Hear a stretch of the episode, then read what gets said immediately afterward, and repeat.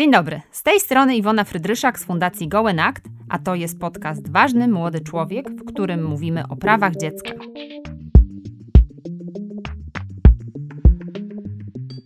Każda i każdy z nas ma wpływ na poszanowanie lub łamanie praw dzieci żyjących na całym świecie. I właśnie o tym rozmawiamy z ekspertami i ekspertkami w tym temacie. Podcast jest częścią projektu finansowanego z funduszy EOG w ramach programu Aktywni Obywatele Fundusz Regionalny.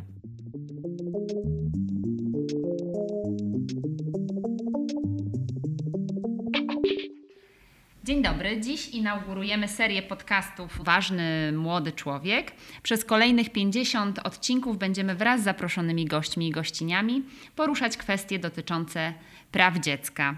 I dzisiaj moim gościem jest pan Marek Michalak. Dzień dobry. Dzień dobry, witam serdecznie. Pozwolę sobie przytoczyć krótką biografię, e, którą zamieściliśmy w tak zwanym kalendarzu zasłużonych dla praw dziecka.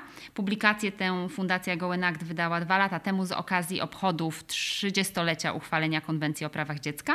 Czytamy. Marek Michalak.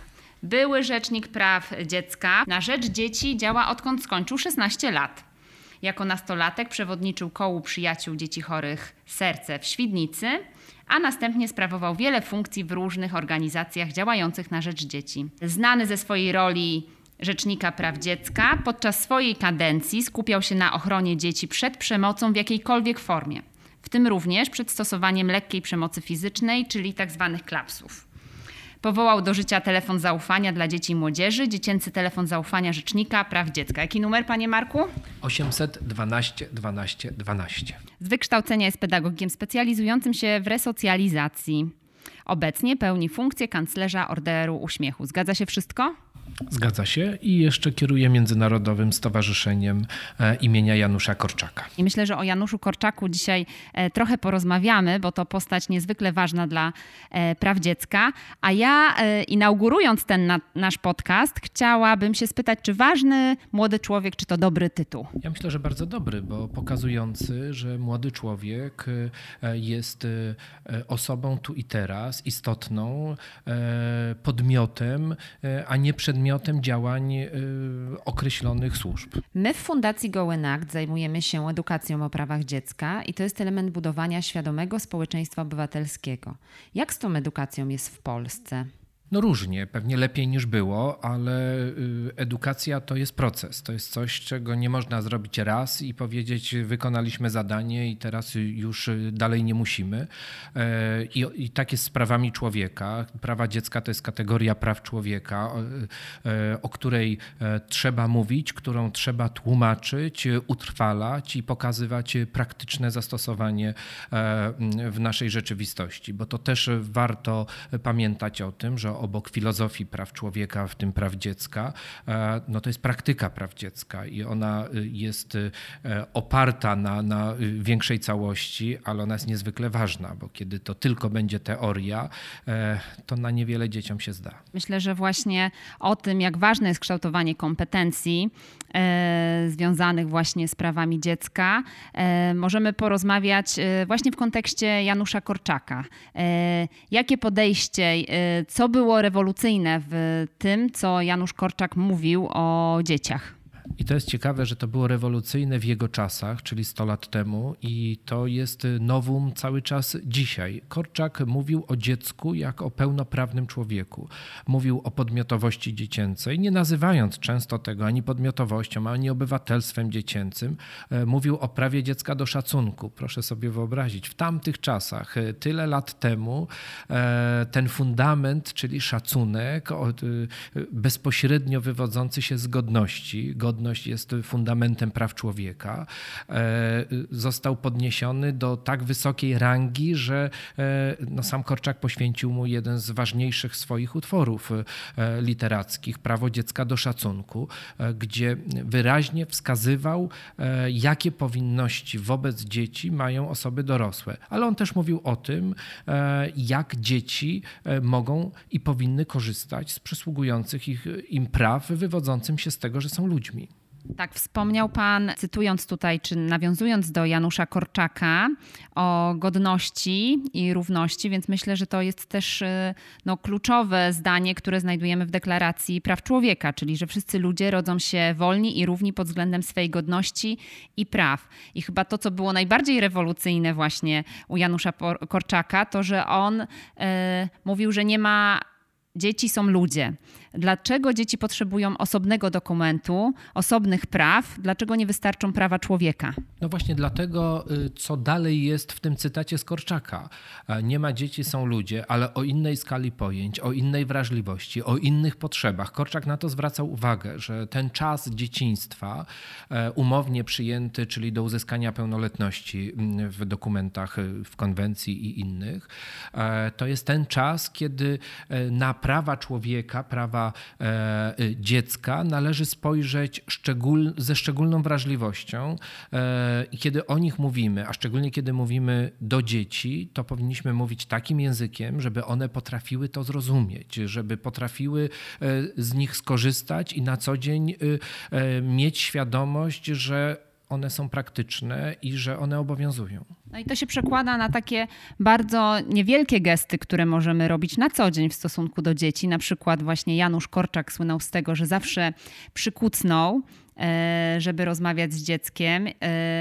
E, ja też e, zauważam, że zwykłe zapamiętanie imienia dziecka, czy zapamiętanie jakiegoś niewielkiego fragmentu jego, jego historii, E, i przytoczenie tego to jest to, co zawsze dzieciom sprawia olbrzymią e, radość i też daje im poczucie, że my dorośli patrzymy na nich jak na właśnie człowieka. E, natomiast z prawami dziecka wiąże się taka historia, legenda dziewczynki z Baltimore, która właśnie tej godności i szacunku nie zaznała w życiu i mówi się, że to jest taki krok milowy w walce o prawa dziecka. Mowa o Mary Ellen Wilson. Mary była obiektem okrutnej przemocy psychicznej oraz fizycznej ze strony rodziców zastępczych. E, była regularnie bita, więziona, dręczona słownie i rzecz działa się w latach 90. XIX wieku w Stanach Zjednoczonych, e, gdzie tak jak na całym świecie nie istniały żadne przepisy prawne ani rozwiązania systemowe, które chroniłyby dzieci przed przemocą. I tutaj właśnie e, pojawia się taka legenda, która mówi o tym, że dopiero prezes Towarzystwa Opieki nad Zwierzętami, powołując się na przepisy ochrony zwierząt e, pomógł dziewczynce. Ten przypadek zwrócił uwagę publiczną na konieczność stworzenia formalnego systemu ochrony dzieci i jak wspomniałam, był momentem przełomowym w historii praw dziecka. Dziś jest 20 listopada 2021 roku i obchodzimy dzisiaj bardzo ważne święto. To jest chyba niezwykły dar dla dzieci, e, który podarowaliśmy im my, dorośli. Znaczy myślę, że wypełniliśmy swój obowiązek e, wobec dzieci.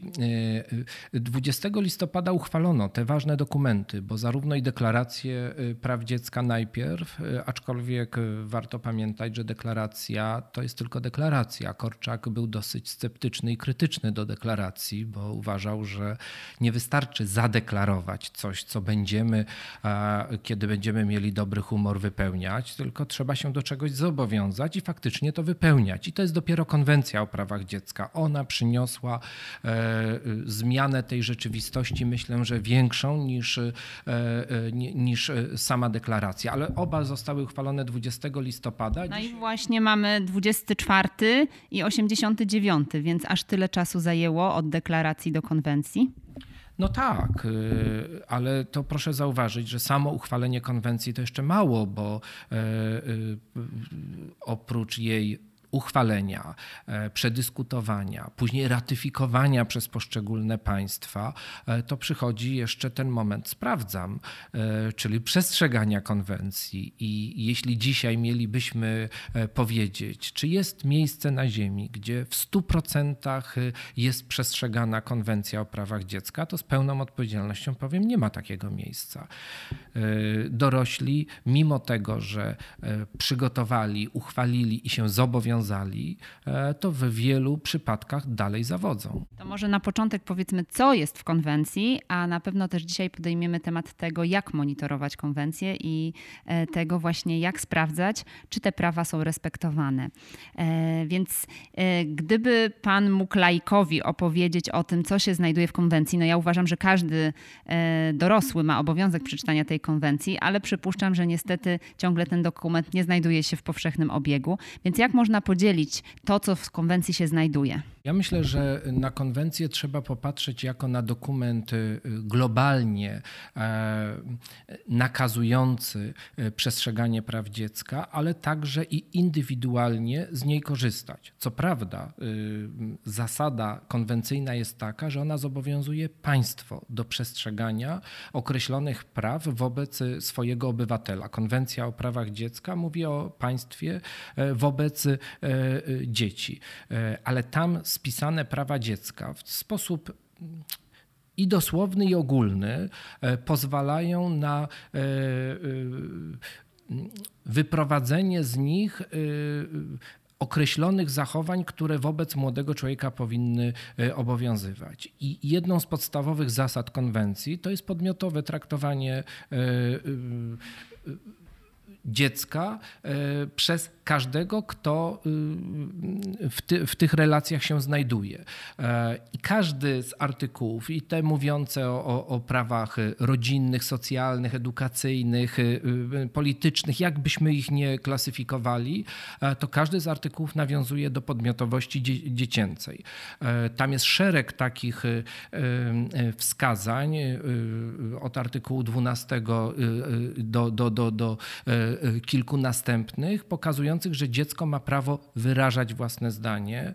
E, co prawda dorośli często dodają w sprawach jego dotyczących, ale tak naprawdę dziecko ma prawo wyrażać własne zdanie w każdej sprawie, w której chce wyrazić to e, własne zdanie. E, ma prawo zapytać i ma prawo odpowiedzieć na e, e, tematy, które faktycznie jego dotyczą.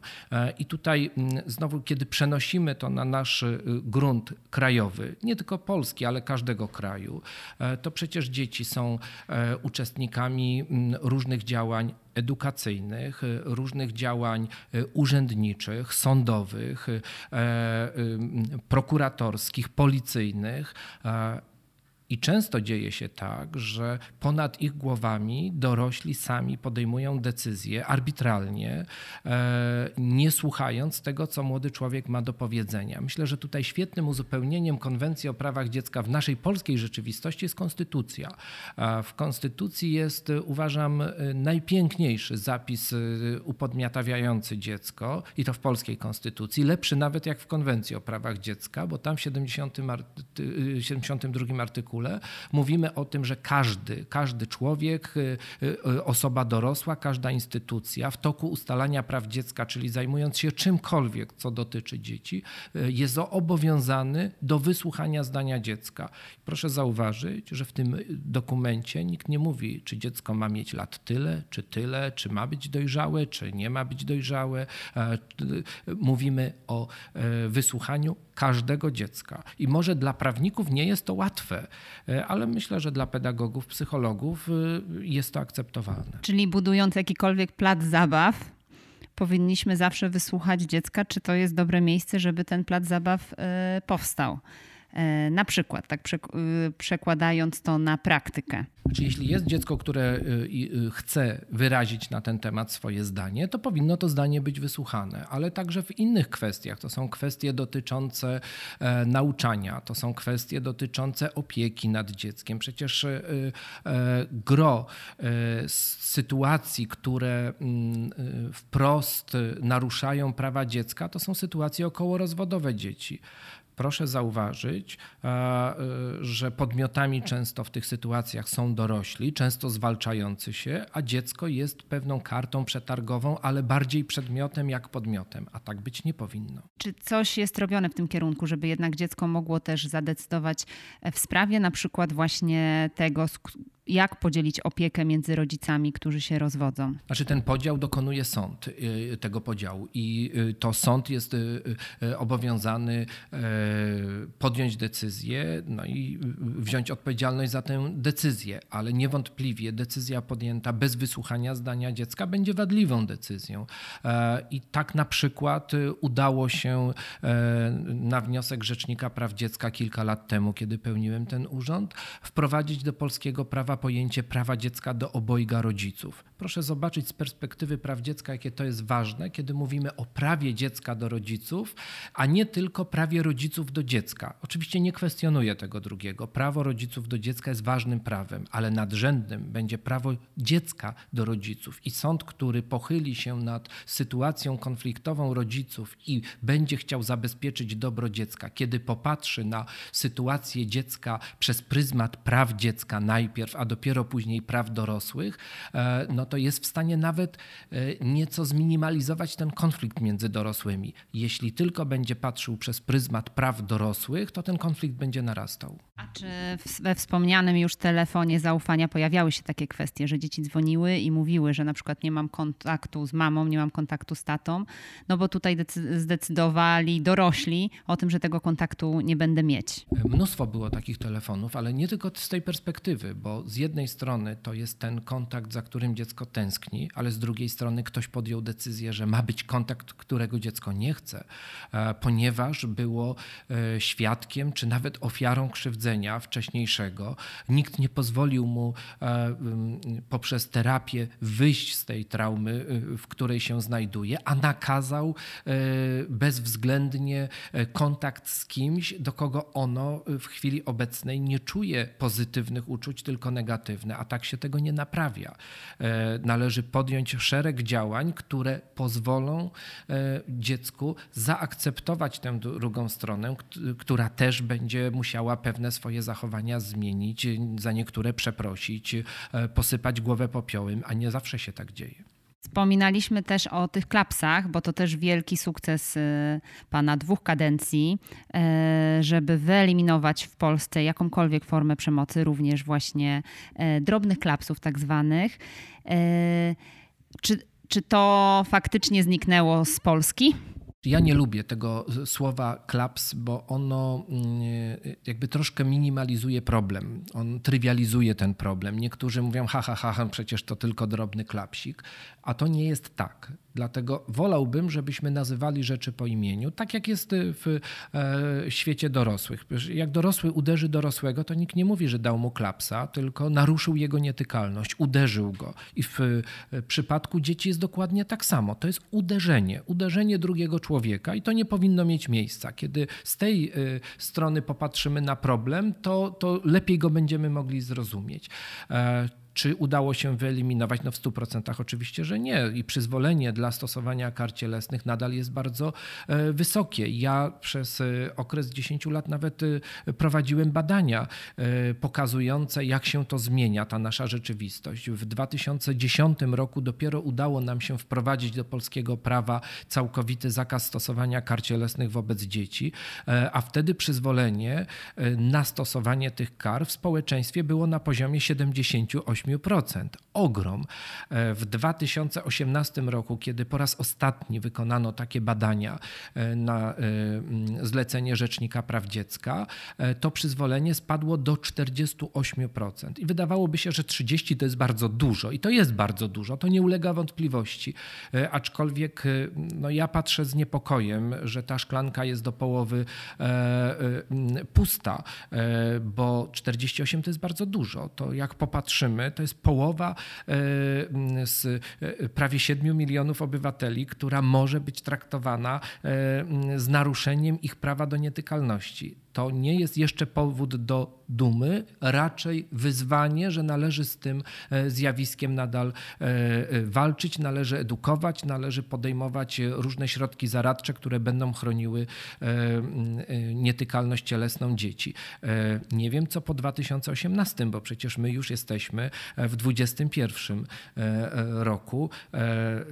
Patrząc na pewne bardzo daleko nieodpowiedzialne wypowiedzi polityków, znaczących osób w państwie, to przyzwolenie niestety mogło przestać maleć, mogło wzrosnąć. A jak my, osoby świadome, które widzimy, że na przykład ciocia w cudzysłowie właśnie no, wspiera, czy mówi, że to jest dobry, dobry element wychowawczy, że czasami jak dziecko dostanie lanie, to nic mu się nie stanie, to jak my możemy reagować w tej sytuacji? Znaczy przede wszystkim edukacja. Tak, ciocie by trzeba było wyedukować, wskazać. Dzisiaj my jesteśmy w innej sytuacji, bo to też na, należy tutaj zwrócić uwagę na to, że jeszcze 20-30 lat temu e, ludzie mm, nie dlatego uderzali dzieci, że mm, sprawiało im to przyjemność. Pewnie tacy też, ale to w mniejszości. Nie mieli wiedzy o e, bardzo niedobrych skutkach naruszania nietykalności dziecięcej. My tę wiedzę dzisiaj mamy. Dzisiaj jest e, kilka metabadań światowych przeprowadzonych tylko e, wskazujących, jak negatywne skutki ma stosowanie tych lekkich form, które nazywamy klapsami, jak one wpływają na dalsze życie człowieka, jak obniżają jego poczucie własnej wartości, jak zaburzają później możliwości nawiązania trwałych relacji z drugim człowiekiem, związków małżeńskich, koleżeńskich, jak ciężko jest być dobrym rodzicem, który będzie rozumiał dziecko i podmiotowo je traktował, jeśli samemu nie było się we właściwy sposób traktowane. Więc ja bym takiej cioci po pierwsze zwrócił uwagę, że jeśli to jest rodzic, że ja sobie nie życzę, żeby mojemu dziecku takie głupoty do głowy wciskać. To jest pierwsza rzecz. Że słowa też mogą ranić, że relatywizowanie problemu to jest współuczestnictwo w krzywdzeniu drugiego człowieka, bo to jest tak, jakbyśmy powiedzieli dobra pedofilia. Nie ma czegoś takiego, to jest oksymoron. E, nie ma e, dobrego, dobrej przemocy, jakiejkolwiek, jaka by ona nie była. Przemoc jest zła i należy z nią walczyć zawsze. I czy to jest przemoc fizyczna, e, czy to jest przemoc psychiczna, czy to jest przemoc seksualna, czy to jest przemoc ekonomiczna, to wszystko powinno być wyeliminowywane z naszej rzeczywistości dla ochrony drugiego człowieka. Tu w konwencji mamy taki zapis o dobru dziecka, że dobro dziecka e, jest wartością nadrzędną i reguluje w zasadzie wszystko, co w konwencji się znajduje, natomiast nie jest doprecyzowane. Jak pan rozumie, czy z jakimi wyzwaniami pan się spotkał, e, definiując, czym jest dobro dziecka? Problem z dobrem dziecka jest taki faktycznie, że wszyscy o nim mówią, w większości dokumentów e, jest ono zapisane, a nikt nie pokusił się, żeby dać legalną de definicję dobra dziecka. Ja zaproponowałem taką definicję w, nowy, w projekcie nowego kodeksu rodzinnego i opiekuńczego, którą przedstawiłem parlamentowi, rządowi, prezydentowi. Niestety żaden z tych organów nad tym nie pochylił się bardziej i ona nie weszła do porządku prawnego myślę, że kiedyś, kiedyś wejdzie, ale, y, ale żeby czegoś wymagać, żeby o czymś mówić, to dobrze byłoby e, mimo wszystko y, wskazać, co to jest, żebyśmy tak samo rozumieli. Propozycja y, definicji dobra dziecka, jaka znalazła się w, kodeksie, w projekcie kodeksu rodzinnego i opiekuńczego, wypracowanego przez Komisję Kodyfikacyjną, e, pracującą przez prawie 7 lat przy Rzeczniku Praw Dziecka, brzmi następująco. Dobro dziecka to stan, którym dziecko osiąga prawidłowy, całościowy i harmonijny rozwój psychiczny, fizyczny i społeczny z poszanowaniem jego godności i wynikających z niej naturalnych praw. Dobro to jest kształtowane w szczególności przez pozytywne relacje osobiste, relacje rodzinne i sytuacje wychowawcze. E, I tu mieszczą się wszystkie e, te informacje, które potrzebne są prawnikowi do dalszego opracowywania dokumentów e, zabezpieczających dziecko w, czy w ustawach, czy w rozporządzeniach, czy, czy, czy kodeksach, gdziekolwiek. Tak? Tylko na chwilę obecną e, takiej legalnej definicji nie mamy. To powiedzmy teraz, nie mamy, nie mamy definicji dobra dziecka, natomiast no jakoś w jakiś sposób mm, musimy monitorować to, czy prawa dziecka są respektowane, czy nie. Czy konwencja jest respektowana, czy nie u nas w kraju, skoro nasz rząd, yy, nasze państwo ją podpisało. Więc jakie są mechanizmy monitorowania konwencji? Czy nasze państwo to nie tylko y, ratyfikowało, bo nasze państwo było. E inicjatorem konwencji o prawach dziecka. I to warto też o tym pamiętać, bo y, ta odpowiedzialność za przestrzeganie praw dziecka myślę, że spoczywa na nas większa jak na innych, bo jeśli się e, kogoś do czegoś namawia, e, no to mm, warto byłoby świecić przykładem. Szlachectwo zobowiązuje, powinno się podejmować, jeśli ktoś podejmuje jedno działanie, to inicjator, e, propagator powinien podjąć trzy. E, teraz jak to jest na, y, w naszej rzeczywistości? Dużo dobrego dla dzieci na przestrzeni tych lat od uchwalenia konwencji się wydarzyło. E, wiele inicjatyw, działań zostało podjętych. Jeśli chodzi o monitoring, to jest szereg instytucji, y, y, które są zobowiązane i uprawnione do monitorowania i, i, y, i podejmowania działań w związku z tym praw dziecka. Taką naczelną instytucją w Polsce to jest oczywiście instytucja Rzecznika Praw Dziecka, najmocniej wyposażona w instrumenty prawne ze wszystkich tego typu instytucji na świecie. Polski Rzecznik Praw Dziecka po pierwsze jest organem konstytucyjnym, co daje mu poczucie niezależności niezależności, niezawisłości wobec innych e, e, organów. Jest organem kontrolnym, może e, przeprowadzić kontrolę o każdej porze dnia i nocy, w przeciwieństwie do innych instytucji, tam gdzie zachodzi podejrzenie łamania praw dziecka. Może być uczestnikiem postępowania sądowego w sprawach dziecięcych, to jest nowum. Może inicjować e, działania związane e, z uszlachetnianiem prawa e, czy edukacją w zakresie e, praw dziecka. E, to są dosyć mocne, twarde argumenty pokazujące, że te prawa dziecka zostały potraktowane poważnie, tak? bo to są niemalże równoległe uprawnienia, a w niektórych kwestiach może nawet większe, do Rzecznika Praw Obywatelskich z pewnością każda inna instytucja państwowa e, jest zobowiązana do przestrzegania praw dziecka, ale te, które nadzorują, to są na przykład kuratoria, nadzorują szkoły. Wydziały polityki społecznej y, y, przy, przy urzędach wojewódzkich y, nadzorują placówki opiekuńczo-wychowawcze, nadzorują inne placówki, w których są dzieci. E, I teraz ten nadzór to nie jest tylko papierkowość, ale ten nadzór to jest także przestrzeganie praw dziecka.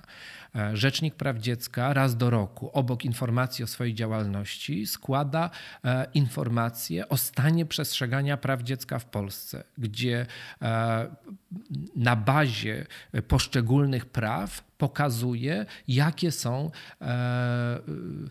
potrzeby, jeśli chodzi o y, lepsze przestrzeganie praw dziecka, gdzie one są łamane i co należy, y, y, jakie działania należy podjąć, żeby były lepiej przestrzegane. I to jest ta krajowa nasza rzeczywistość, ale należy pamiętać, że nad przestrzeganiem Konwencji o prawach dziecka e, czuwa Komitet Praw Dziecka Organizacji Narodów Zjednoczonych. Tam... Dokładnie. I to jest zawarte też w konwencji, prawda? Jest opisane szczegółowo, jak ten komitet powinien wyglądać. Tam raz na pięć lat każde państwo składa e, e, raport o przestrzeganiu praw dziecka na swoim terenie. I obok tego raportu państwowego, bo to jest warte zauważenia, organizacje pozarządowe E, albo dodatkowo Rzecznik Praw Dziecka mają prawo złożyć raport alternatywny.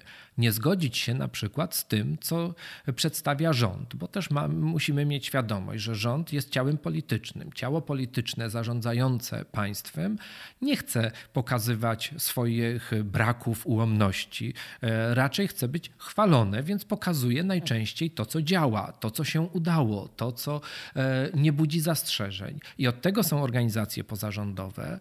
E, od tego jest Rzecznik Praw Dziecka, żeby pokazać, że jeśli coś nie działa, jeśli niewłaściwie funkcjonuje, e, że tak jest i wnioskować w Komitecie Praw Dziecka, żeby to znalazło się jako rekomendacja, jako wniosek, y, y, który ONZ składa danemu państwu e, do wypełnienia. Ten komitet składa się z 16 osób wybranych z różnych obszarów geograficznych i myślę, że to jest bardzo ważne, że to nie jest tylko takie europocentryczne ciało, E, czy właśnie złożone z przedstawicieli bogatej północy, e, ale że mamy tam reprezentantów różnych, różnych krajów również z globalnego południa. E, order uśmiechu. Myślę, że to jest e, tak na zakończenie bardzo fajny temat. Pan dostał ten order jako najmłodszy, najmłodsza osoba w historii. Dobrze wyczytałam? To był rok 94 i faktycznie wtedy jako 23-latek byłem najmłodszym i długo, długo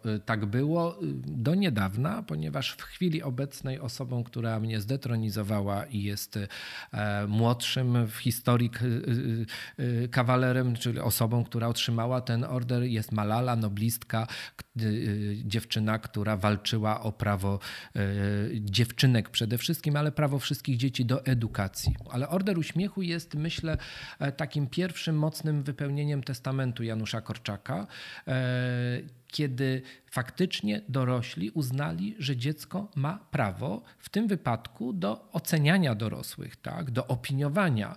E, co prawda asekuracyjnie dali to prawo do pozytywnego oceniania, ale zawsze coś i do przodu.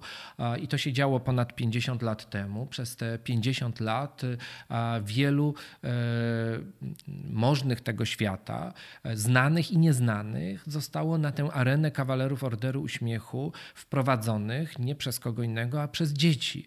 E, I to jest wielka wartość tego odznaczenia, uznanego ponad 40 lat temu przez ONZ jako jedyne na świecie odznaczenie przyznawane dorosłym przez dzieci. On, wtedy order został umiędzynarodowiony, e, a e, a w tym gronie znajdują się różni, jeśli chodzi o rozpoznawalność, o, o, o działalność, bo i działacze społeczni, i, i osoby zarządzające państwem, i, i, i osoby duchowne, i pedagodzy, i e, aktorzy, i reżyserzy, i, i e, pisarze, i sportowcy. To ja zdradzę tutaj, że naszą kolejną rozmówczynią będzie Katarzyna Stoparczyk, dziennikarka, która również taką nagrodę dostanie to tak e, poważnie brzmiąca, e, brzmiący tytuł pracy dyplomowej. Order Uśmiechu jako fenomen społeczno-kulturowy świata dzieci i dorosłych. To jest praca doktorska pana, tak? To była dysertacja, którą obroniłem w e, Akademii Pedagogiki Specjalnej w Warszawie w 19 roku, ale pokazuję w niej, że Order Uśmiechu to jest pewna instytucja, pewna myśl, pewna idea, która przez te 50 50 lat bardzo się wzmocniła i pokazała e, moc mm, i sprawczość e, dziecięcych działań, ale też na bazie tego pokazuje pewną historię, e, jak na przestrzeni lat postępowała emancypacja dziecka. Z tej relacji, kiedy mm, dziecko i dorosły przede wszystkim dorosły miał przewagę i dorosły był tym nauczycielem, mentorem, y, osobą, która tylko i wyłącznie przekazuje w drugą stronę e, y, wiedzę. E, przyszedł taki moment y, pewnej równowagi, wymiany, że wzajemnej nauki dziecka i dorosłego. I to, co dzisiaj obserwujemy, myślę szczególnie, ale to już nastąpiło, to jest to, o czym Margaret Mead mówiła, nazywała kulturą prefiguratywną, kiedy dorosły uczy się od dziecka. E, I ostatnie czasy szczególnie wskazują, że są obszary życia, gdzie dzieci absolutnie są nauczycielami, a dorośli odbiorcami, e, ale też i w tej zwykłej codzienności bardzo często, jeśli dorosły jest pokorny e, i patrzący na świat nie z góry, ale, ale tak jak wspomniała pani wcześniej, jak Korczak, patrząc w oczy drugiemu człowiekowi, w tym wypadku dziecku, to widzi, jak dużo od dziecka jest w stanie uzyskać. Ja tu zdradzę szczegóły techniczne nagrywania tego podcastu, że tutaj się e, nieźle natrudziliśmy z panem Markiem, żeby włączyć to nagrywanie e, na komputerze, który przecież e, projektowały poniekąd dzieci, bo Steven Jobs zaprosił dzieci, żeby intuicyjnie właśnie zaprojektowały to, jak posługiwać się czy telefonami, czy komórkami i pewnie by dużo szybciej rozszyfrowały, co my tu mamy włączyć niż, niż my. E, dziękuję bardzo. Dzisiejszym gościem był Marek Michalak, e, Rzecznik Praw Dziecka e, w latach 2008-2018. Pozdrawiamy serdecznie z Warszawy. E, I na koniec jeszcze jedna ważna, ważne osiągnięcie pana kadencji, czyli tak naprawdę dzisiaj no nie tylko jest ro, e, rok uchwalenia, czy data uchwalenia Konwencji o prawach dziecka, ale przede wszystkim ogólnopolski Dzień Praw Dziecka, który na pana wniosek rząd polski przyjął właśnie jako 20 listopada. Tak, to było bardzo ważne, żeby zaakcentować trwale, żebyśmy nie spotkali się raz, zrobili jedną imprezę i e, rozeszli po domach, tylko obok tego 1 czerwca, bardzo ważnego Dnia Dziecka, e, ważne jest, żebyśmy prawa dziecka akcentowali szczególnie, a że jest taki e, dzień, e, który no, łączy wiele różnych wydarzeń, e, to ja wystąpiłem do Sejmu Rzeczypospolitej Polskiej z wnioskiem o uchwalenie tego dnia ogólnopolskim Dniem Praw Dziecka i bardzo cieszy mnie to, że ten dzień został na trwałe zapisany do kalendarza, że tak wiele szkół, placówek, instytucji, osób prywatnych celebruje ten dzień, przypominając o prawach dziecka, chociaż ja bym chciał, żeby te prawa dziecka w tym dniu, tak jak mm, w nasze urodziny składamy sobie życzenia, były akcentowane, ale żeby były jednak przestrzegane przez e, każdy inny dzień e, roku, bo e, one nie mogą być tylko fajerwerkiem, one mają być codziennością. Prawa dziecka nie są przywilejem dziecięcym. To nie jest tak, że dziecko musi coś wykonać, żeby jego prawa były przestrzegane prawa człowieka, w tym prawa dziecka, należą się człowiekowi, należą się dziecku tylko jaż dlatego, że jest człowiekiem, dzieckiem. Każde dziecko kiedyś będzie dorosłym. Dorosły już dzieckiem nie będzie. I teraz przygotowanie do tej dorosłości e, w takim poczuciu podmiotowości, e, przestrzegania tych praw pozwala nam być lepszymi dorosłymi. Prawa dziecka uszlachetniają świat dorosłych tych dorosłych, którzy e, je przestrzegają, starają się przestrzegać, widzą, kiedy to się nie dzieje i starają się zmienić ten stan rzeczy, kiedy jest on niewłaściwy. Niewątpliwie człowiek wspierający drugiego człowieka, nie odwracający głowy, kiedy on puka do naszych drzwi, e, czy to jest wschodnia, czy zachodnia granica także, e, to ten e, człowiek jest bardziej empatyczny i bardziej skazany na wewnętrzny, dobry rozwój, na szczęśliwość, niż taki, który myśli tylko o czubku własnego nosa. Tak, i prawa dziecka obowiązują wszystkie dzieci, które znajdują się na terytorium danego kraju, również te, które w cudzysłowie są nielegalne, chociaż nie ma ludzi nielegalnych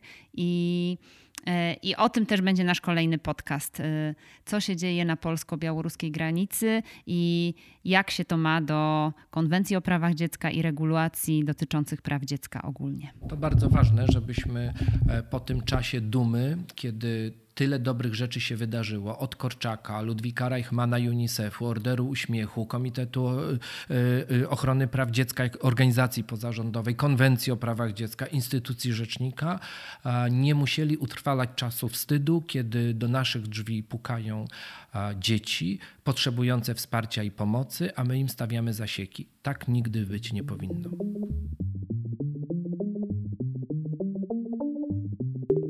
Wysłuchali Państwo podcastu realizowanego przez Fundację Goen Act. Prowadzimy w niej działania z zakresu praw dziecka, edukacji dla pokoju i integracji społecznej. Serdecznie zachęcamy do wsparcia nas na Patronite oraz do zakupów w naszym internetowym sklepie charytatywnym na dobrą sprawę. Za realizację techniczną odpowiada Jan Chrzan, a koordynatorką projektu jest Aleksandra Stachura. Dziękujemy, że jesteście z nami.